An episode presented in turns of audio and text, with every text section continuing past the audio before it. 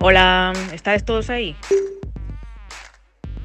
Remato de tomar o café e vou. Un segundo, que estou lavando os dentes. Que nesta casa a sexta é sagrada. Diario Cultural Z. Aquí comeza o Diario Cultural Z, ese programa no que falamos do divino e do humano a través dos libros, das pelis e da música que nos gusta ou da que non nos gusta, que criticar é de balde. Eu son Lucía Junquera e acompáñame a xente máis talentosa da Radio Galega, Silvia López, a Anxo Fariñas e Celia Riante. Que tal? Hola, que alegría tal? ser recibidos así. Eu síntome como unha celebridade cada vez que veño aquí. Polo que sodes, sodes unhas celebridades, as celebridades cando menos deste programa. Pero acabaron as risitas. Celia. Deus. acabouse. Acabouse o jiji jaja, porque hoxe veño cunha, cunha película ben Iso. intensa, que é a de Vortex de Gaspar Noé, que Mi madriña, tiñan que pagarme a min por vela. Aí o deixamos. Eh, Anxo, ti tampouco te, te escondas moito porque mm, optas desta vez por poñer en apuros a unha icona desta casa. Sí, a ver, eu espero que saia ben do paso, pero aí está tamén a emoción, non, da vertixe de ver que pasa con Esther Esteves, a estrela do, do Digo Cheu e, e do mundo mundial, porque eu creo que nunca tal celebridade trouxen aínda o cuestionario Z, eh? Gallos escapache, escapaseche por idade, pero sí, non, non, non, estarían, estarían aí aí. Gallos e semi-Z, sí. E Silvia, hoxe, mm, pías de última. Mm, non serei eu quen diga que sempre se deixa o mellor para o final, pero que va, pero é verdade. Pío última porque o refrán, ou bueno, a expresión popular que traemos hoxe aquí é a de tarde piaches, así que a ver que cancións, que series, que libros eh, me lembran a iso. Seguro que é unha maravilla. Eh, o punto final, a, o punto cultural do programa témolo con Tamara Andrés, que conversará con Pablo de Leite Edicións e tamén con Ana Abad, que nos levará ao mundo da danza co coreógrafo Xian Martínez. Comezamos. Comezamos.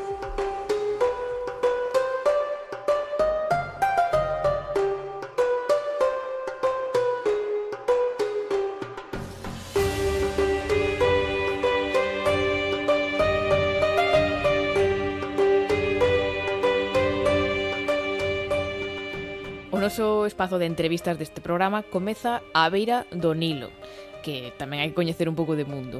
Facemos unha viaxe no tempo eh, e no espazo tamén a ese Nilo que serve de fogar a unha das primeiras civilizacións avanzadas da, da historia, a do antigo Exipto, e que ninguén se preocupe porque non toleamos que o noso protagonista é, é historiador da arte, é exiptólogo, é un nome a ter en conta no estudo deste período histórico mal a ser tan novo. Ele é César Guerra. Que tal, César? Benvido ao Diario Cultural Z. Hola, bo día, gracias por, portarme aquí. Eh, a primeira pregunta, case que, que obvia, imagino que tamén xa fixeron moitas veces, é de onde ven a túa fascinación polo antigo Exipto? Ven de lonxe, ven de bastante lonxe. Eh, creo que un, eh, a miña carreira comeza máis ou menos na, na carreira de Historia da, da Arte, pero realmente o meu interés vende moito antes e moito antes tamén eh, devoraba os libros que foi máis ou menos cando eu te, tería 12, 10 anos máis ou menos por esa idade uh -huh. que me regalaron un libro destes infantil de pop-up de momias chamábase así momias con signos de exclamación eh, mostraba un pouco todo este eh, todo este proceso de elaboración das momias, de como lle sacaban as vísceras, como lle sacaban o cerebro pola nariz, eso impresionoume moito e dicen, madre mía, quero saber máis, máis disto. E pouco a pouco fun lendo máis libros, um, os meus familiares, os meus amigos apoiaronme moito, e regalábanme libros sempre que tiñan a, a, o momento para facelo, e así un pouco pouco a pouco fun, fun fo, fun estudi estudando isto. Mm, comezando con vísceras, mm, moi ben. Sí, sí, sí, un pouco un pouco esa é, é a idea, tampouco mm. cambiamos. e eh, dai de dese de desa infancia, logo deses estudos, eh ben nace tamén o o o escriba frustrado, non? Que é o o proxecto onde onde digamos volcas todos os teus coñecementos e toda a información e curiosidade sobre o antigo Exipto. Eh contanos un pouco máis sobre este proxecto. Sí, o escriba frustrado chega cando eu sinto a necesidade de, de ter un lugar onde volcar os meus proxectos. É un pouco unha plataforma de estudo, non eh, diría que, que é unha plataforma de divulgación, porque mm. esa non é a miña intención. Eh, moitas veces sí que sí que a idea é pois dar a coñecer un pouco a cultura egipcia, pero eh, noutros casos eh, é simple, simplemente unha cuestión de diversión, de mostrar o que estou facendo nese momento, de ter un pouco de feedback con outras persoas que outros académicos que, que están metidos en Twitter e en outras redes sociais, mm. eh, ter un contacto máis eh, estreito con eles, máis eh, máis aló dos eh, clásicos correos electrónicos e demais. Mm. Eh, porque, por que te fas chamar o, o escriba frustrado? Porque pola túa trayectoria vemos que de frustrado ten pouco. bueno, eh, o de frustrado ven un pouco ca idea de... Para, para mí ven na cabeza un, un pouco unha idea un pouco romántica de un académico ensimismado co seu traballo na eh, as luces das, das, das, cande, das candeas e demais Pero eh, despois o tema do escriba é que viña de ler un libro de Eric Hornung, eh, bastante simple, que chamase directamente O Antigo Egipto, 3.000 anos de historia ou algo así, non o recordo exactamente. Eh, nel facía bastante fincapé en esto da figura do escriba, que eh, era realmente o que mantía o, o status eh, da, do Estado egipcio. Non mm. eran os, non eran os reis, non eran os, os sacerdotes tamén, pero os sacerdotes eran en parte escribas tamén, pero era todo ese grosso de funcionariado que realmente facía funcionar toda esa civilización, que parece un moi interesante eh, poñer un pouco a, o meu pedazo de arena para para o que é a xitoloxía con isto. Mm. mm ti falabas antes de como comezaches ti a, a tua a despertar esa fascinación polo, polo antigo Egipto con ese, eses libros de momias e de, e de vísceras. Eu diría que moitos tamén así que, que non somos tan estudosos nos, nos chama moito atención a, a escrita non? O, os xeroglíficos que é algo que ti que ti coñeces moi ben. Eh, así para para para comezar a aprender a, a, a escrita xeroglífica é moi difícil ou por onde podemos comezar?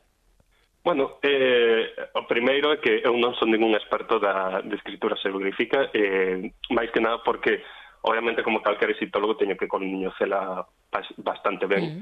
pero hai xente que está completamente especializado neste campo, é impresionante velos traballar, eu son prácticamente un principiante en, en comparación con eles, pero se queredes empezar hai un libro moi bo que de Bill Manley e eh, Mark Collier Mark, Mark Collier foi un dos meus profesores en, en Liverpool onde fixen o máster uh -huh.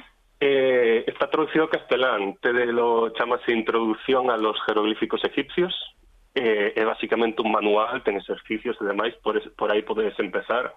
Eh, incluso o final eh, trae, traevos unha bibliografía bastante boa para por se queres continuar o traballo pero pero bueno o, despois a, o salto o salto clásico sería aos libro, ao libro de, da gramática egipcia de Gardiner que mm. tamén creo que hai algunha traducción por aí pero eh, será eh, sería mellor ir, apre ir aprendendo inglés que, que bastante, bastante importante neste campo.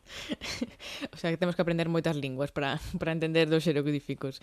Eh... Literalmente, eh, cal, eh, o, o normal, cando se estudia psicología, eh, inglés, alemán e francés, mm. é eh, o clásico. Ben, ben. Non, é, non é pouca cousa, eh? tamén che teño non que dicir. No. Pero imos comezando pouco a pouco. Eh, César, para rematar, nos temos aquí un, un poema así que, que facemos en común co todos os, os nosos entrevistados. Eh, e tamén che pedimos a ti, que, que non es poeta, pero eh, a gracia está niso, non? En, en, en combinar disciplinas. Iso sí, que non, non nos poñas un verso en xeroglífico porque nos queremos entendelo ben íbamos por un que estaba traducido, pero dicen, mmm, no, casi mellor. vale, a ver, a ver pero que bueno. nos preparaches. Ok. Para rejuvenecerse e darlle a volta ao paso de tempo, hai que sair momentaneamente del e verse no inicio do mundo temporal que non o coñece. Carai, carai, carai. Non é xeroglífico, pero tem, temos que dar aí un par de voltas para, para, para comprendelo ben. Moitísimas grazas, César. Moitas grazas. Dúbida existencial. Eh, como facer que ver pelis e series no sofá sexan traballo? Niso estamos Celia Reandi e benvida ao Diario Cultural Z. Eh, está me custando bastante, quero decir, non, non pensedes que era unha broma o meu traballo, eu teño que aquí que ir ao cine, teño que pasar Requiero horas un, e horas un porque esforzo. agora, ollo, non hai unha película que dure menos de dúas horas e media xa é un esforzo bastante considerable, claro. Sería Riande facendo horas extra. Sí, sí, totalmente. Está haciendo moitísimo cine, eso é verdade. Sí, é verdade. Estou... Tencho que agradecer Iso é positivo. Cines. Eso, eso, mira, estou levantando a industria. no, pero, pero sí, outro día, de novo, fun ao cine, e fun concretamente ao Cine Europa, mm. que non tivemos ocasión de, de falar deste, deste festival, o que Evidentemente fun porque xa me coñecedes que son unha cinéfila. Oi, non. a cuestión. Fun a ver a, a nova peli de Gaspar Noé que se chama Vortex. Eh, bueno, como dicilo suavemente. É un exemplo de que ás veces deberían pagarme a min por ver unha película, e non o contrario. Mm, vale, bastante clara foi aí, Feli. No, a ver, vamos a, vamos a tanto claro. A película non está mal feita. Sempre di o mesmo. Sí, a película pero... está ben feita. Pa, pa, pa, pa, pa. Exacto. No, pero a ver, porque a peli está moi chula a nivel de historia, porque sí que é certo que... A ver, a... Bogran. De que fala a película? Claro, aí está. Fala de dous velliños moi lindos, a verdade. Un, un pero é bastante é unha historia bastante triste, por eso dicía que me debían pagar a min, porque eh, a muller ten Alzheimer o, o seu home eh, que está coidando durante as 24 horas do día pois ten problemas tamén de seu, ten problemas de corazón e teñen un fillo drogadicto. O sea, quero decir, sí, sí. todo ben. Eh, imaginadivos, porque non sei se coñecedes un pouco o traballo de Gaspar Noé, pero un bastante sórdido. Si, sí, non tende a ser unha sí, sí, película sí. moi feliz, moi moi alegre. Entón, bueno, Imos chamar as personaxes mm, Manolo e Manola.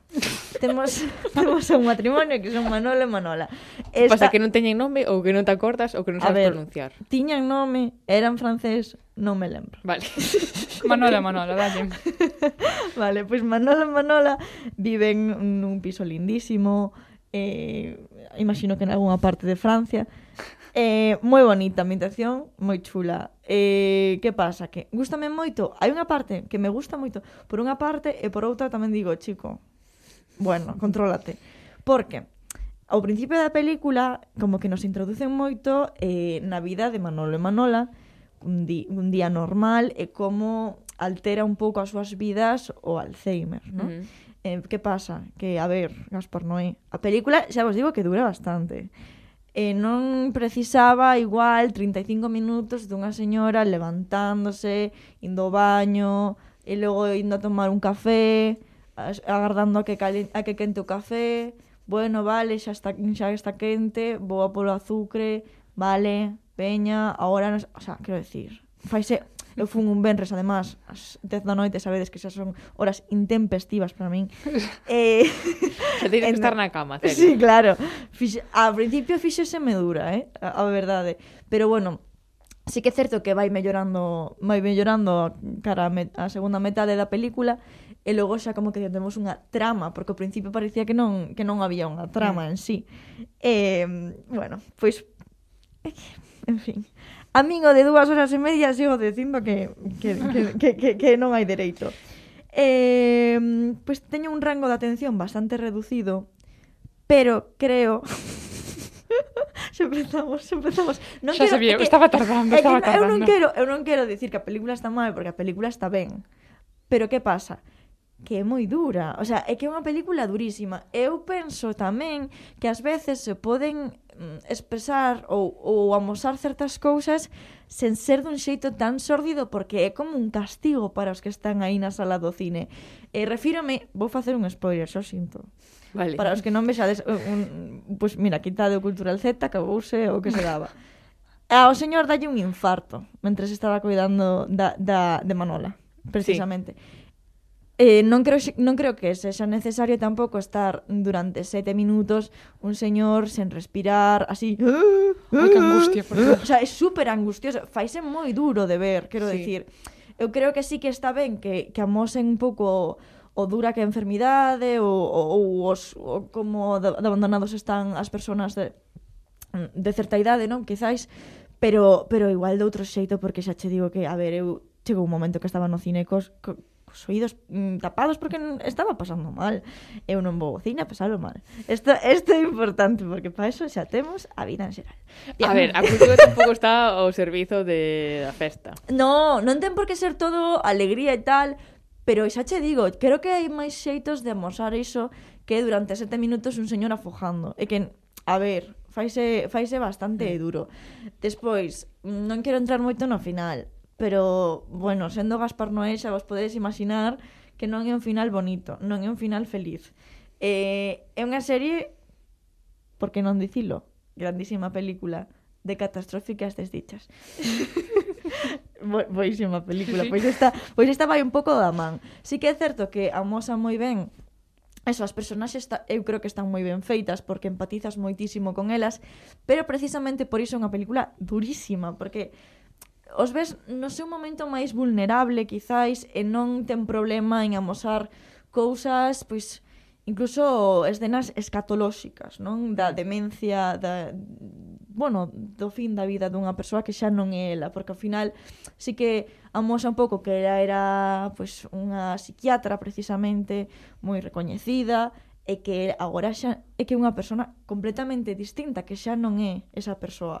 É moi duro, ademais, sobre todo, porque, bueno, o fillo é drogadicto, ten un fillo... O sea, é que a película é durísima. Xa vos digo, cando saímos do cine, cando saímos do cine, eran un venres ás 12 e media da noite, unha da mañá, non sei por aí, porque xa lle chega. Parecíamos unha procesión da Santa Compaña. Estaba todo o mundo afundido. É que normal, é que normal, é que, de verdade, eu casi choro no, no cine e choro non en plan, ai que escena tan triste, senón que era realmente dura a película. Non ten problema en, en despois amosar pois, planos dos outro mm, spoiler, mm, sinto. Non outro spoiler de xente morta. Xa non vou a concretar de quen, pero pero de xente morta. Isto está dando angustia a min, sen vela. Si, sí, non, non, é que e logo sí que é certo que o fai dun xeito con moita sensibilidade, moita beleza, O sea, sensibilidade non, porque é moi sordido, pero sí. moita beleza. Segue sendo un plano... En canto a estética. Sí, é moi estético, moi tal, pero sí que é certo que saes do cine e dis, mi madriña, eu non vexo outra vez esta película, ni aunque me paguen, porque é eh, que é un sufrir por sufrir que eu non creo que mereza. A ver, hoxe puxémonos un pouco serios con respecto a a comentarios anteriores. Non vai ser, non vai ser todo jijijaja. No, no, non é jijijaja, está ben reflexionar de vez en cando sobre sí. a belleza, sobre a vida e a morte, así que tamén cho agradecemos, ya, Celia, sobre todo a túa seriedade. pois pues nada, eu creo que que eso que que é unha película moi coidada, moi cunha historia moi bonita, pero durísima. Pero moi dura.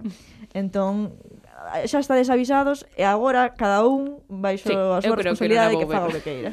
Non me está chamando, non me está non, chamando. Así sí. que, grazas Celia. Ata aquí, un placer. Cumbia.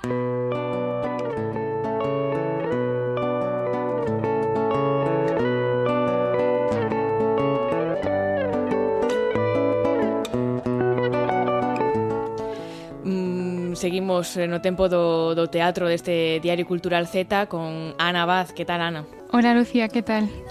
Eh, contigo levamos xa unhas semanas coñecendo compañías de teatro con nomes ben curiosos, temos que dicilo, e hoxe vesnos presentar unha persoa con un perfil eh, algo diferente, non? Un coreógrafo e bailarín. Sí, porque nos achegamos a, a, diferentes áreas das artes escénicas, entón sí que estivemos a, a coñecer a compañías moi diferentes de teatro máis eh, textual, máis gestual, mm. eh, dramaturgas, dramaturgos, e agora pois eh, tamén me parecía moi importante e interesante achegarnos a, a figura dun, dun coreógrafo e bailarín vigués novo, pero cunha trayectoria potente xa, como é Xan Martínez. E entón, eh, a idea mm. é afondar un pouco no seu proxecto creativo, Isa Universos de Movimento ou Isa Danza Contemporánea, e tamén na súa peza Pioneiras, que iniciou esta fin de semana en Galicia unha xira moi especial. Entón, mm. Xan explícanos as diferentes liñas que abarca Isa é o meu proxecto cultural actual no que dende fai máis ou menos dos anos recollo todas as cousas que fago non? A maioría das cousas en formato de compañía de danza porque é onde máis me desenvolvo pero por exemplo se tivera que facer un evento algún tipo de festival levar a dirección de calquera outra cousa a nivel artístico tamén estaría recollido dentro de, de Ixa. O obxectivo principal que ten Ixa é un pouco a democratización da danza e acercar a danza contemporánea, que a veces para min, polo tipo de creacións que realizamos as artistas e as artistas, se encontras a veces un pouquiño lonxe eh, do, do imaginario colectivo da xente de a pé, non? da xente que non vai ao teatro de maneira tan habitual como pode ser en cidades máis grandes como, non sei, Barcelona ou Madrid ou Berlín ou que sexa. Entón, eu o que intento é facer proxectos, pezas de danza ou no futuro quizáis eventos ou proxectos de mediación, por exemplo, no que a danza acérquese un pouco a, a cidadanía de, de hoxe a través de temáticas sociais, de diálogos e dramaturxias accesibles, etc. O seu proxecto non ten un enfoque pechado, senón que quere servir de espazo para conectar con outras artistas e creadoras. Non traballo solamente eu, senón que eu o que intento é xerar tecidos e conectar con xente que ten algún tipo de identidade que a mí me interesa ou que penso que comparte comigo a, mi, a mesma forma de pensar eh, generar colaboracións de maneira constante, xa sea tanto a nivel creativo como a nivel técnico, como a nivel interpretativo, e xa para min é un universo. Eu sempre penso que creo en universo, e dentro deses universos pois hai estrelas, hai planetas eh, e hai pontes entre diferentes elementos para construir este tipo de proxecto.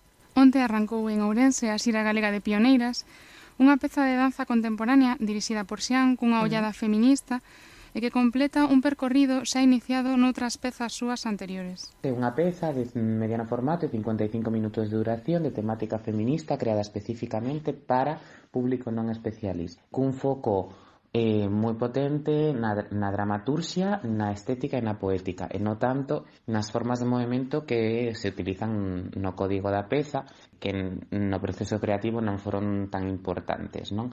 Pioneirase a terceira parte de un largo proceso de investigación que, na, que, que ocurriu dende de 2017 mm, onde eu creei a miña primeira peza que chamaose Raíña, será dunha hora e era para sete chicas. Bueno, foi aí un proxecto como moi grande para ese momento tivemos algunhas funcións, pero xa está. Logo, con unha delas, eh, para outras, os traballos fin de estudos do Conservatorio Superior de Danza María de Ávila, ofreceume montarlle un solo, o solo chamado Inmarcesible, falaba sobre a dualidade entre alma e cadáver dende un punto de vista platoniano de dunha muller asesinada por violencia de xénero. E xa rematamos con pioneiras, non? Xa explícanos que, a pesar das dificultades que isto supón, mm. el quere apostar por crear pezas de mediano e gran formato. Pioneiras é a primeira peza que coa que recibo algún tipo de subvención pública eh, gracias ao Festival de Nea de Navarra e ao Goberno de Navarra a través de Fundación Baluarte e ademais é a primeira peza coa que consigo un pouco ter unha xira mm, máis ou menos rentable non? bueno, de mediada en formato, tamén este difícil comezar unha carreira por un lugar como destas características, pero dende logo é o que eu quero facer e afirma que eu quero ter, facer espectáculos de danza de mediano ou gran formato. E a xira galega de Pioneiras achega cambios na propia peza, que originalmente era para cinco bailarinas, e agora se amplía a nove, mm. con, e contando para a ocasión con dúas bailarinas galegas, Paula Quintas e Tania Velo, e estar tamén Marta Alonso Tejada, pero finalmente non puide estar, e sean contanos de onde naceu a idea de facer esta xira especial por Galicia e a importancia que para el ten. Nace como unha idea de seguir crecendo coa peza e sobre todo compartir co sector profesional galego, non? A idea en principio é traer a, o meu elenco original de cinco bailarinas e a catro bailarinas galegas por diferentes circunstancias de calendario e demais, bueno, finalmente soamente vamos poder contar con dous bailarinas galegas e con sete bailarinas pois de outros lugares. É un proxecto moi ambicioso, xa que para esta readaptación á versión de 9 Somente vamos ter 4 días de ensaios e logo directamente as funcións e bueno, dende logo tamén é importante dicir que hai unha gran reinversión na peza autoproducida neste caso pola compañía sen subvencións nin nada. É verdade que temos apoio do Instituto Chepare de País Vasco que nos apoia na xira, na, nos desplazamentos e, e demais.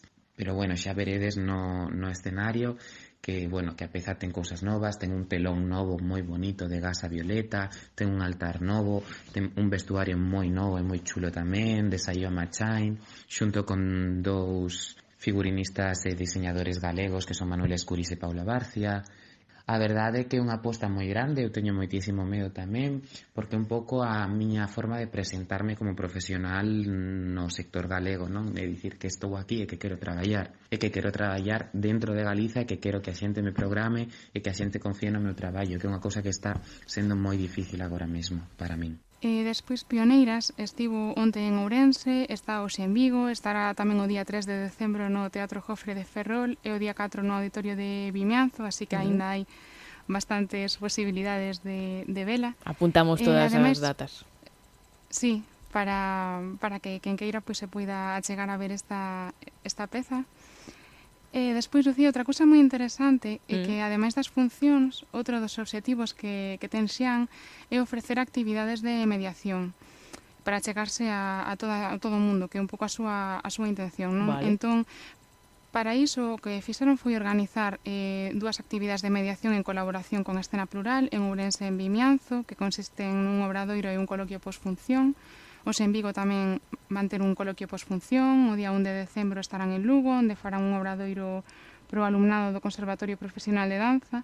Entón, pois que, que hai máis posibilidades non de achegarse o, o traballo de, mm. de Ixa. E despois tamén Sean fálanos doutras liñas de acción de ISA eh, de cara ao, pois, o, o futuro? A primeira, dende logo, é seguir intentando conseguir funcións de pioneiras, que é unha cousa que está sendo bastante difícil, a xente non remata de confiar. E dame rabia tamén un pouco, porque, bueno, sempre que, ao final, cando alguén confía, ao público gustalle, eso é importante para min, non? Que o público conecte con, coas pezas.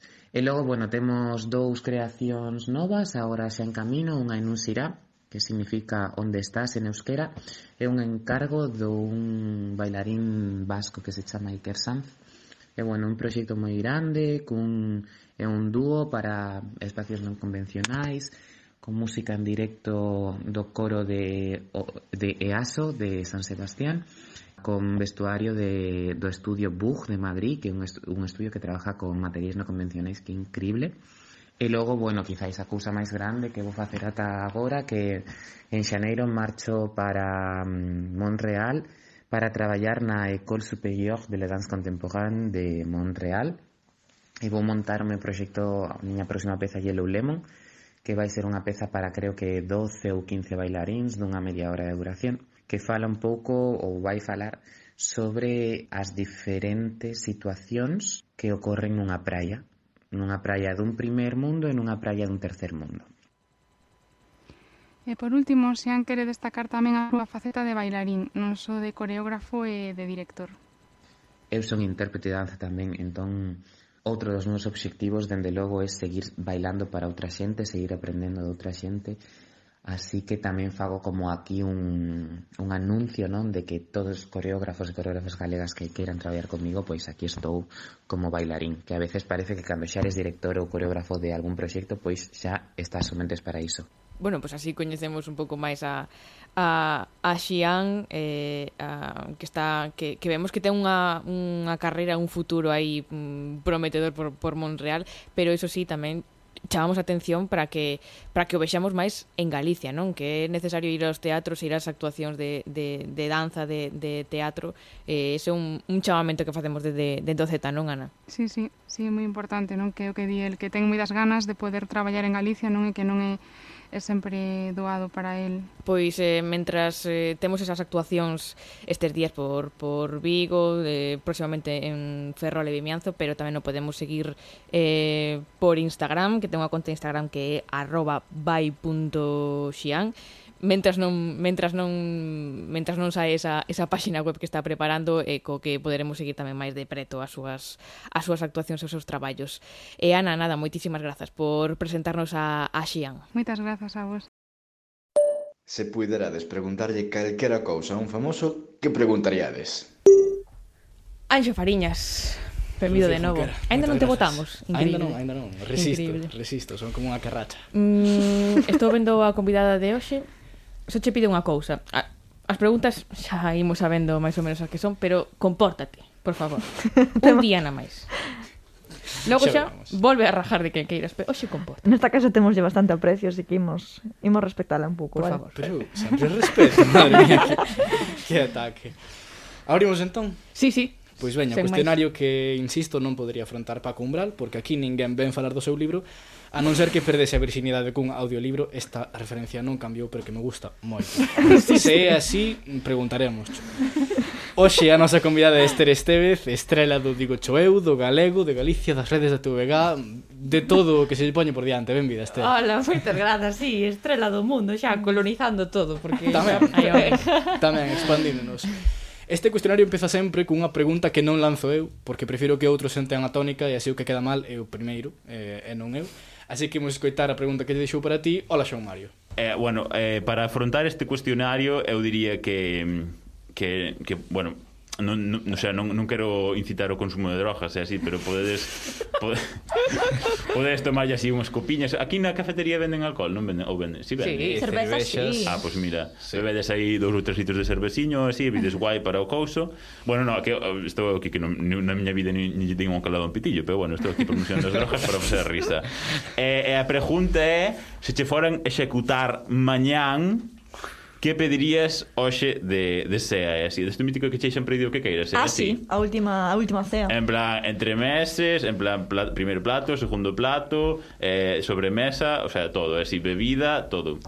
O consello parece que non fixeches caso, alegrámonos. De, de, Eh, a pregunta que, que che parece? Cal sería a resposta? Eh, pois pues a ver, é que me gusta comer moitas cousas, pero seguramente churrasco Ben, ah, eh, podería ser. Sí. Mm, un único postre que non hai moitos postres, moitas sobremesas, pero todos queiras. Um, este é a última. Pois pues todo, todo, todo. Todos os postres do mundo. Todo, porque este unha carta dun restaurante, ben.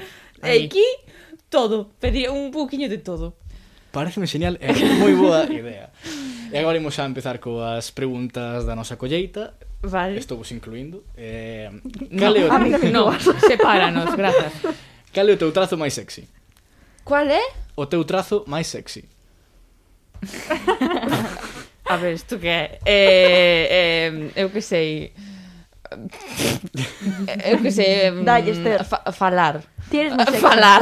Non son a do galego, pois falar. Eu que sei. A fala. Fantástico, a fala é sexy. Fantástico. Mm, A que lugar de, de Santiago, porque son moi Santiago centrista eu, levarías a unha primeira cita para impresionala? Hmm, pois, a ver... Eh, sabedes un mítico sitio que non... Bueno, por galeras que se sí. veden dai a catedral, claro, sí. eu non diría zona bella catedral, no, por galeras que se sí. hai bares dai sí. que se de, aí vese vese a catedral. Pois aí, a táboa de picar Aí eh, que dende aí vese, bueno, aquí promocionando sitios, eu que sei, non sei se pode ser, sí, sí, bueno, sí, igual. Bueno. Pois dende aí hai vistas moi guais. Iso que se levan. Pois, bueno, por, polo menos unha persoa que non di unha opción sórdida está moi ben. Seguimos mellorando, a verdade. Sí, está ben. Non me sí, molestaría sí, ir a un Podo inventar cualquier outra cousa. Cale, o maior ridículo que cometiches na tua vida? Ai, é que estas cousas necesitan tempo de pensar porque aparte o ridículo fago bastante, creo. Entón eu que sei, non sei. Eh, no traballo moitas veces moitas cousas fixen, pero ridículo grande que xa, xa che digo, tería que tería que pensalo. Tería que pensalo, pero mítico de de ser bocazas, de estar dicindo algo é que pase outra persoa que non debería estar escoitando eso ou eu que sei, cousas así, pois moitas, moitas. Non Pasan sei. as mellores casas. Es... Vale, agora pois a, a primeira pregunta que invocábamos ao principio que é con que banda sonora tiveches a tua primeira vez? Non había banda sonora. Por fin. Absolutamente, O silencio. é verdade. A ver, eso é moi Silencio. pelicularo, ¿no? Sí, sí, pero ata agora nunca nunca tivemos como resposta o silencio. Sí, sí, Exacto. sí, todos ah, dixeron sí, sí, algo. Mágico. Quen, Menos, quen fora que dixera supoño que Metallica ou algo así. Foi, foi, foi sí, Ortiga. como se fora algo normal. Sí, bueno, está, estaría guai tamén dicir eu que sei, o como dominicano, sabe Dios, non sei, pero non, non, non é o caso. Vale para que vexades que en novo, aquí traio unha nova. Cuidado. Se tivesses que crer nunha teoría conspiranoica, cal sería? Ai, pero vos que preguntáis por favor. Tú que nos votan. Invéntate eh, unha. Eh, eh, eh, é que teño que te... A ver... Eh. Todos temos a nosa favorita. Por exemplo? Eu teño a do 11S. Esa é a miña favorita personal. Non sigas. Para aí. eh, eh, eh, eh, ben, eh, iso eh, que? De, eh, agora quero saber máis. É que nos poderían despois, denunciar. Ah, vale, porque temos despois, entón, pero terraplanismo... Ah, sí, temos de todo. Da, eh, negacionismo. No, as pirámides que as fixeron os aliens. Os dinosaurios eran os pais. Os Illuminati. eh, non sei, non sei, eh, eu que sei, eu como estamos co rollo da pandemia, eu voume quedar co negacionismo. E despois xa o terraplanismo tamén está moi guai, é verdade. Sí, terraplanismo está moi divertido. que moda dos anos 2000 traerías de volta? Iba a decir os, os pantalóns de no, campana, no, no. pero, xa, pero xa, eh, pero xa, pero xa, siguen estando. Sí. sí, xa están. Eh, pois que todas as cancións que soaban daquela que sigan estando de moda agora, por favor, non quero a música de agora, quero a música de antes. Spice Girls. Son así. Santa Justa Clan, creo. Temazos. Musicote dos 2000. Eh, cal dirías que é o teu animal espiritual? Os gatos. Non sei exactamente a que te refires con animal espiritual, pero sí, sí, eu quen... síntome moi gato, así que vou dicir eso. Mm, vale. Mm, que o que máis odias no teu traballo? Isto é delicado, porque estamos na... todo queda na casa. Ai, pero non, non pasa nada, a ver, no. non todo é perfecto, maravilloso, non hai que mitificar lado. nada tampouco. Eu, por exemplo, sei. teño que aturar a Celia aquí. Eh, un respeto. No, no, eu en cuanto a persoas teño que dicir que, que estou encantada de, da xente que me rodea, e eh, sobre todo do equipo do Digo Chueu, eh, o que máis podo odiar que está vinculado ao traballo é que a xente se crea de verdade que son um, profesora barra dicionario o que sexa do digo eu é que logo non poida eu falar como se fala habitualmente, mm. que non é 100% normativo, porque non, non nos dá a cabeza para iso, ainda que intentamos cada día. Entón eu creo que iso pode ser o que o que máis odio do traballo, sí. Vale. Bien. Teño que mm, Bien, non digas bien. A eso me, a eso me refiro, bien, non digas bien, pois pues a min está así todo o día. Ah, hostia. Claro, eso me refiro, que, que, que non se, saiban separar. Claro, eh, claro, e que logo que eu... Claro, evidentemente nos vídeos falo 100% correcto, pero logo veño mm. aquí a unha entrevista, vou a cualquera lado e sempre hai un mítico nas redes e eh, dixeches, non sei bueno. que, como dices eso tú? Digo, chueu. É así. sí, porque non son Esther, son digo cho eu. Ou apuntamento lusófono tamén. Sí. Pois, coa raiva que produce iso, gustaríame que pensaras agora, ademais dun consello, unha pregunta para o seguinte convidado que digas ti, esta vai ser difícil, vai custar contestala. Ai, ve que estas cousas tiñen despois que deixar preparar con tempo. No, eh, senón non ten chiste. eh, a ver, eh, eh, eh sabes quen é? Non, non o sabemos nos. Ah, pois Poderíamos sabelo, ah, claro, pero Anxo non se... quere avanzar. Eu levo sí, sí, produción sí, moi... Ante... con anterioridade. Pois, a ver, vou pensar. A ver, enche de este espacio de silencio. eh, Bueno, é que é o mítico, é que só se me ocurre rollo relacionado así que a pandemia e tal, eh, destas preguntas que che fan de si superas que vai haber unha pandemia mundial e unha cuarentena de tres meses mm. que, que farías? Eh, co, a min quedaronme plans sin facer tiña cousas planificadas pois. en marzo un encontro con amigas, unha viaxe e mm. demais, e quedou todo tal. E moitas cousas que dixe, bueno, xa se fará. E non, non se fixo por culpa de que veu unha pandemia mundial. Así que a pregunta sería, pois, que decisión tomarías así firme se souperas que mañá nos pechan outra vez?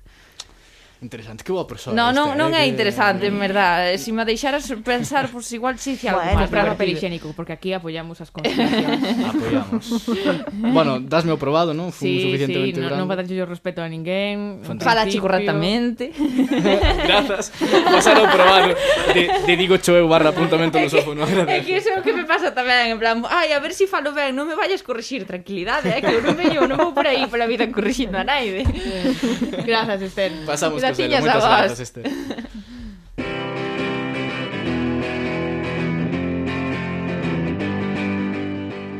A ver, vos, que vos credes moi modernos.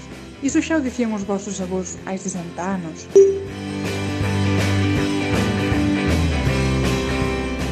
Silvia López López. Oxe, cos dous apelidos. Sí. Como López son tan originais, claro. A mí encántame, López López. Claro. podedesme chamar Silvia do Regueiro, xa o sabedes. Silvia do Regueiro, vale, a partir de agora todos a chamala así. eh, hoxe ves un pouco mm, eh, con ton ameazante. Por que? Por que dis iso? A mí este refrán soa a, a ameaza, non sei por que, ao mellor é máis eh, suave, pero a mí soa a ameaza A mí soa máis a mofa, verdade? A, habrá que dicir que, que refrán é... Bueno, un refrán que non sei nin se é refrán. É logo. Eu considero como tal. Unha expresión, vamos dicir, un dito popular que é o de tarde piaches, porque che soa ameaza. Non entendo. Porque mm, eu imagino así con o dedo índice ergueito dicendo tarde piache, Sancho. Así. Non sei. Porque, porque tes esos modais hora de, de xefa, pero, no, pero no, no, no, eh? no, nada disso. Son... Perdón, dende logo, saca. dende logo impós. A, a min sí, sí, puxaron sí. de corbata. Sí pasa. No, eh, aquí eu non busquei relacións con esa percepción que tes ti. Eu busquei máis ben, sabedes esas veces nas que lle damos tantísimas, tantísimas voltas ás cousas, que nos demoramos tanto en tomar unha decisión, que ao final, cando por fin decidimos unha cousa ou outra, xa é tarde pois iso, mm. tarde piaches, non? Isto pasa nas mellores casas, nunha máis ca outras, porque hai que empecamos un chisco máis de ser indecisas, e que pode pasar? Pois que ao final podemos quedar como nos beizos.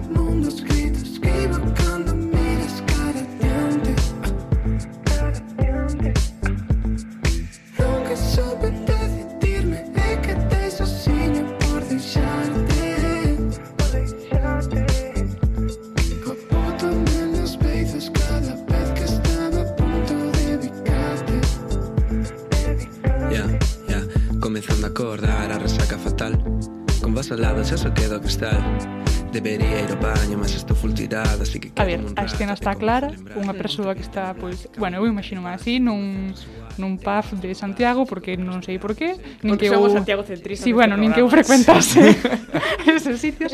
E que claro, está aí dándolle voltas a ver se ou non a outra, pois tantas voltas lle deu que pasoulle sol pola porta. Sentímolo. Ves, pero se te pos dendo punto de vista da rapaza que marcha, ao mellor estaba esperando que el viñese e dixe, ah, amigo, tarde piaches. A mí iso parece ben ameazante, ves?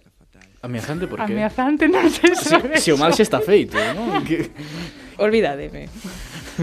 Bueno, ti, tío, teo. Eu sí. O que está claro é que, como cantaba a grandísima Rocío Jurado... Ala, vai. Estásme dicindo que imos dar un salto dende Berto a Rocío Jurado. Sí. No Diario Cultural Z. Bueno, bueno. Que llevamos facer se Rocío Jurado cantaba que ahora es tarde, señora? Ahora es tarde, señora. Ahora es tarde, señora. Ahora nadie puede apartarlo de mí. Él me dijo que era libre. A ver, que se cadra isto moi zeta, moi zeta. Pois non é para que Ti crees? podo- non, non sei por que digo. Non podo resistirme a que tarde piaches, ahora es tarde, señora, pois lo mismo. Estos en palabras. A está, ah, Exactamente. A está clara. Xa tiñamos claro que esta era a sección menos Z do Diario Cultural Z. Bueno, porque aquí as señoras mm, hai que reivindicarse, sí, pero no que tiñamos acostumados a Taylor Swift, Dua Lipa. Hai de todo, hai de todo nesta vida do señor. É que aproveitando que que Celia marchou claro. justo neste, neste momento ir ao baño, pois pues, Pois pues hai que barrer aquí o mundo anglófono. Te sorte, te sorte de que non está Celia. cando escoite isto. En fin, bueno, caso que para non tirar só de cancións tamén pensei pois noutros produtos culturais que se lle podan axeitar a este dito e quixenlle ver un pouco de relación a esta expresión, a de Tarde Piaches, cunha obra de teatro galega que está agora de xira, que é a de Nevermore, de Chebre, sí. unha, pois, unha peza maravillosa que reconstrúe a, a traxedia do Prestige, xa sabedes os sitillos de plastilina, esas cousas tolas que que, que, que problema habían traer? Ningún, bueno, total non pasaba nada, que ia pasar, e cando se deron conta do desastre, pois pues era tarde, tarde piaron. De novo, mm, collido con pinzas pode ser xustificado sempre. Falar de, de chévere sempre está xustificado. Sempre, sempre. está xustificado. Recomendamos moito esa obra. Anxo, confirmas? Totalmente, botei-me chorar. Bueno, eu non, pero é emocionante, eh? Esta, esta rapaza non chora, é... É de ferro, eh. é? A xente de Castro Verde non ten sentimentos. No, totalmente. Sin falta, sin falta. bueno, caso que en esta obra tamén se vincula o, o caso do Prestige, coa actual pandemia, con esa con confinamento, que tamén foi outra situación non na que se lle vían un pouco as orellas ao lobo, pero non se actuou, e iso cando por fin se puxeron as cousas sobre a mesa, era tamén se cadra un pouco tarde. Bueno. Mm, terceiro asalto meu para dicir, a mí eso soa me ameaza. Vale, miña, vamos cho, vamos cho comprar, pero E eh, agora a seguinte relación que atopei ven un pouco para introducir, digamos, a cara B deste dito, como sempre, sabemos que, que sempre tamén un pouco intentamos desmontalos, eh, fíxeno cun collage de Isabela Iglesias que no que sai unha rapaza cunha mão na cabeza, podese ver na súa conta de Instagram sabeire.me e eh, está escrito teño que dar volta, esquecime de min E que relación lle vexo aquí? Pois porque non sempre é demasiado tarde para algunhas cousas, non? Mm. Xa sabemos que tamén hai ese outro dito de nunca é tarde se, se, se la dichas buena. Así que nunca, nunca é tarde para acordarse dunha e para coidarse e para todas estas cousas que son moi necesarias. Bueno, despois desta chapa... Contradecindo a Rocío Jurado. non, non serei eu quen faga iso para, para sair desta chapa que me metín, imos marchar como sempre cunha canción que é a máxima expresión do tarde Piaches.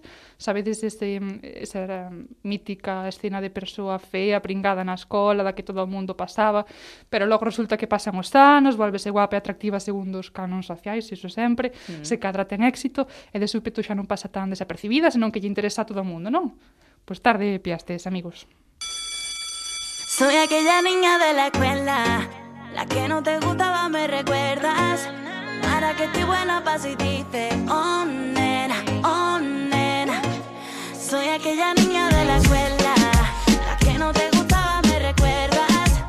Ahora que estoy buena, paso y dice, oh nena, oh nena. Moitas grazas, Silvia, polos teus refráns, a túa cultura mm, de vello. non me ofendes, en no, realidade. non xa sei perfectamente. Ah, pero o que sí que ia decir é que ti nunca pillas tarde. Oh, que ben, que ben. Alguna vez, vez coutra, sí, pero bueno. Non que, non, non que nos saibamos, así que deixo así. Deixo quedar ben. Grazas. Grazas, Silvia. Tú no quisiste y ahora que tú quieres no se va a poder. Ahora me viste, te pone triste. Sabes lo que vas a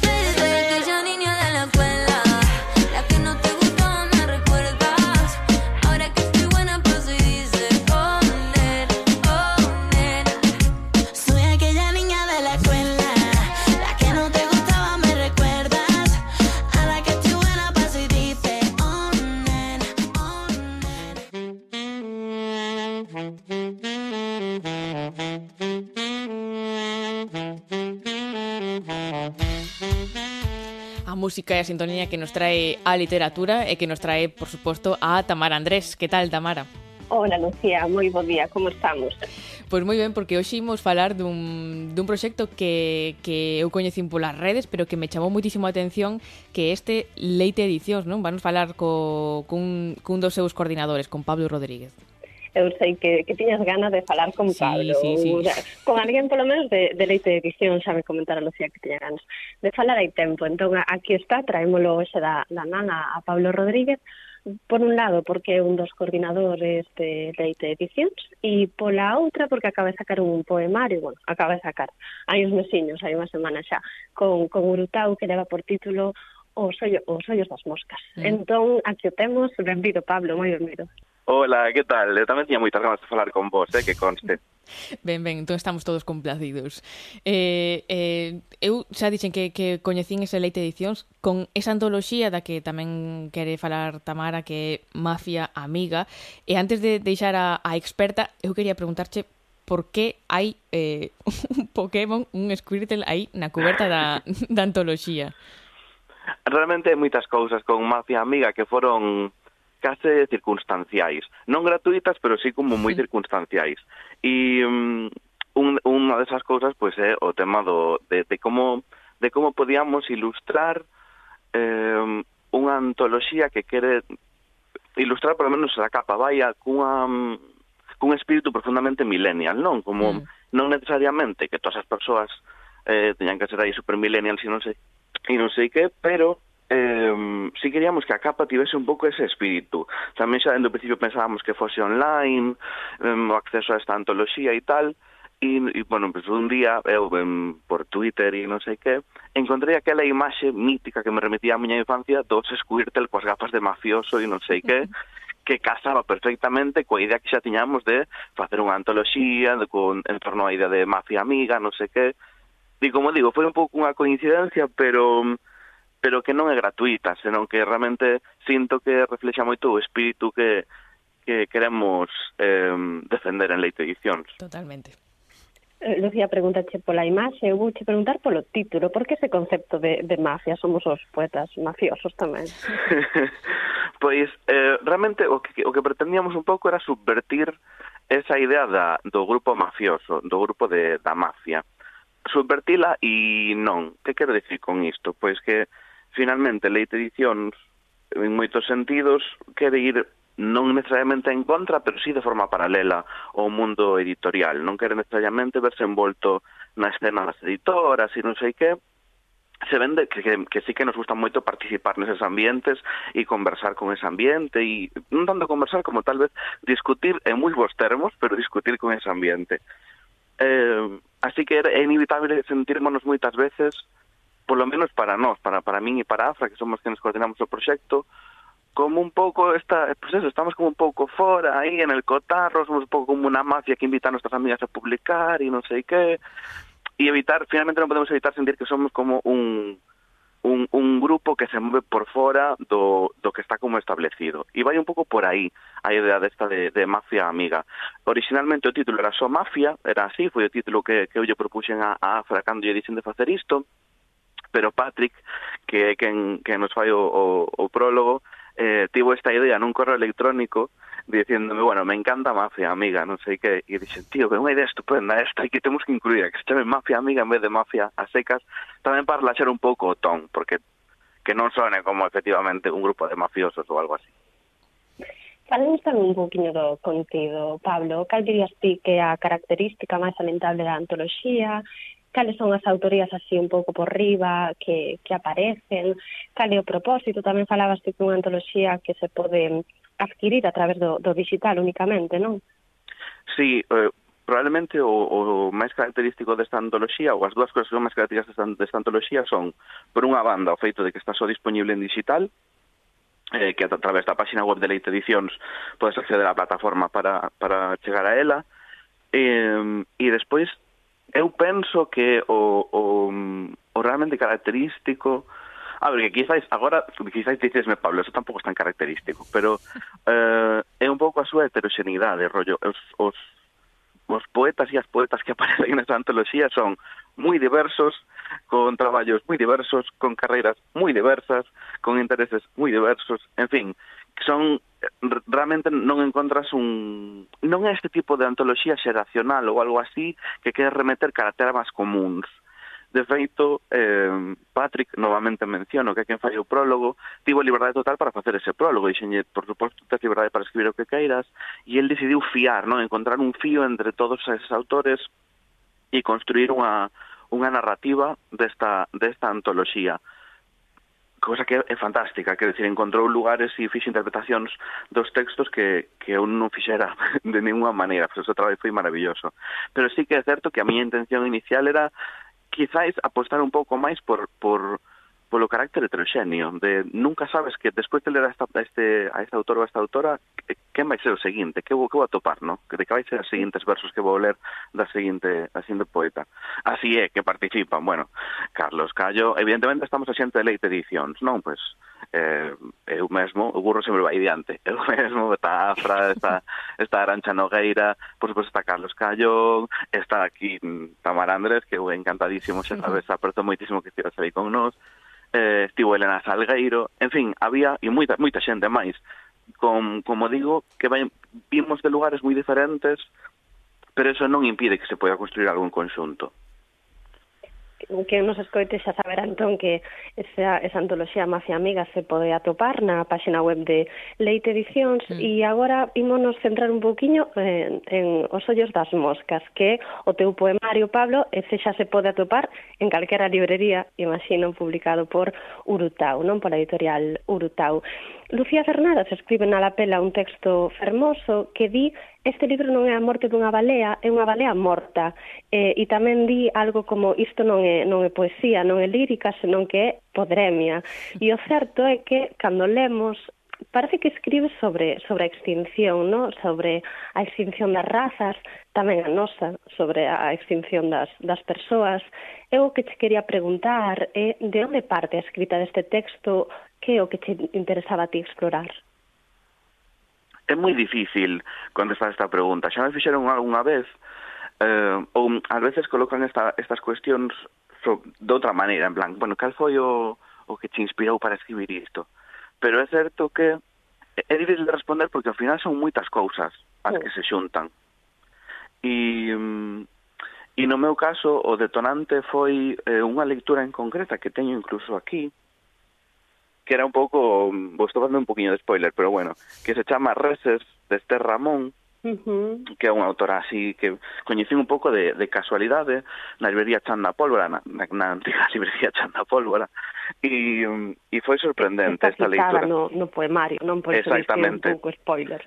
Sí, e foi, o seu, o seu traballo foi tan non sei, este traballo que fai en redes é espectacular. E, por suposto, é moi superior ao que podo facer no sollo das moscas e isto non é falsa modestia. É increíble o traballo que fai aí. E despois, por suposto, o dato mm, que aquí encontrei de casualidade navegando por internet de como funcionaba os ollos das moscas, non? Que tamén está explicado aí neste poemario no principio eh, e que é un pouco que o que dá sentido a toda esta estructura que ten o poemario en Omatidios, que pode parecer unha cousa así como moi complexa, moi tal, pero realmente penso que co, coa introducción enténdese, enténdese ben cara onde quere ir esta, esta constitución así.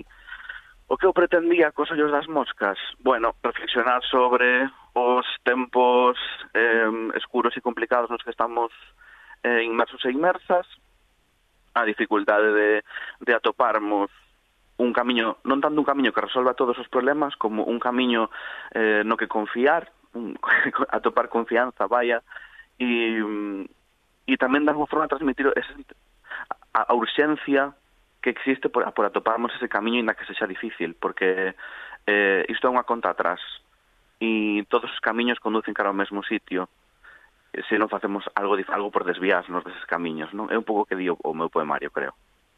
Eh, tamén un poemario creo que mm, na miña lectura polo menos ten moito contido metapoético, non Pablo? E non sei se é o meu favorito, pero si sí un texto que me impactou moito em, o, o primeiro, o, o primeiro poema, o primeiro matidio que ti dis non que, mm, bueno, ti, o eu lírico, digamos. em, que, que matas para escribir, non matas unha persoa para poder contalo, para poder dicir, para poder ter algo que que escribir ou que poetizar, e dicir, que chegan a facer os, os poetas para escribir? Chegamos a matar realmente? pois eh, é ben curioso, porque teño na, na miña descripción do Twitter que eh, escribo poesía para non disparar a ninguén, así que, a ver, yo tampouco non me escondo en ningún sitio, pero a cousa, é curioso que me digas isto de que é o teu favorito, porque... Eh, se si son honesto, debo recoñecer que creo que o único que hai de poesía nos sellos das moscas Estrictamente, eh, nun sentido así estricto, estricto, é ese primeiro texto. E o resto do, do poemario é só unha explicación dese primeiro texto. É dar voltas sobre el e sobre as figuras que se presentan nel eh, para desgranalas, para buscarlle sentidos novos, para entender a súa propia dimensión. Ás veces penso mesmo que non escribín os ollos das moscas tanto para outras persoas como para min mesmo, aínda que isto é unha cousa un pouco... porque sempre pensas escribindo nos demais, non? E en que se entenda e non sei que. Pero sí que é certo que eh, para min foi unha exploración, os ollos das moscas claramente é unha exploración dese primeiro texto. Um, que, que chegamos a facer os poetas para escribir poesía? Realmente Um, aquí debo confesar tamén que unha vez escoitei a, unha, a un poeta moi reputado na, na literatura galega dicir que a poesía é poesía, ou polo menos era boa cando era verdade, e eu creo que iso é mentira. Es, eh, aferrarnos desa maneira a verdade creo que nos impediría escribir A mí, por exemplo, teríame impedido escribir os ollos das moscas, porque non estou escribindo algo que é verdade. Eh, estou escribindo algo que, que é apenas unha posibilidade, unha visión do futuro, e ainda estamos a tempo de cambiálo. E estou casi citándome a mí mesmo, co que digo no meu, no meu poemario. Que lindo que vis, Pablo, gustoume moito. Imos te pedir, eh, por último xa, porque creo que xa estamos chegando o, o tempo que temos, que nos sí. recomendes un libro. Pois eu quería recomendarvos El sacrificio como acto poético, de Angélica Lidl. Uh que non sei se coñecedes a Angélica. Isto? Mira, recoñezo porque Angélica Lide é unha é unha tía que está un pouco colgada. Hai que recoñecer que está un pouco, mm, sí, e, pero ten unha forma de escribir tan brutal, tan desinhibida mm, e é impresionante que non podo facer máis que recomendala. O sacrificio como acto poético non vai exclusivamente para a poesía, senón que máis ben unha, unha reflexión sobre toda a literatura, non? E, e reflexiona sobre as posibilidades que existen pero xa vos digo, por camiños que nunca teria sospeitado, eh, que nunca imaginei. Mm. Mm-hmm. Pois pues, moitas grazas pola recomendación eh, A ver se non saímos de aquí matando a ninguén Porque eu xa estaba Ay, derivando a conversa non? espero que non. Pero moitísimas grazas Pablo e tamén Tamara. Grazas, grazas a vos. Moitísimas grazas, unha aperta.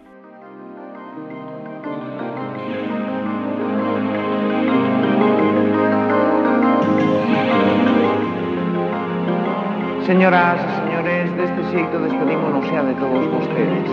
Pero antes de marchar queremos recordarlles brevemente os espacios que poderán ver hoxe mesmo aquí na Televisión de Galicia.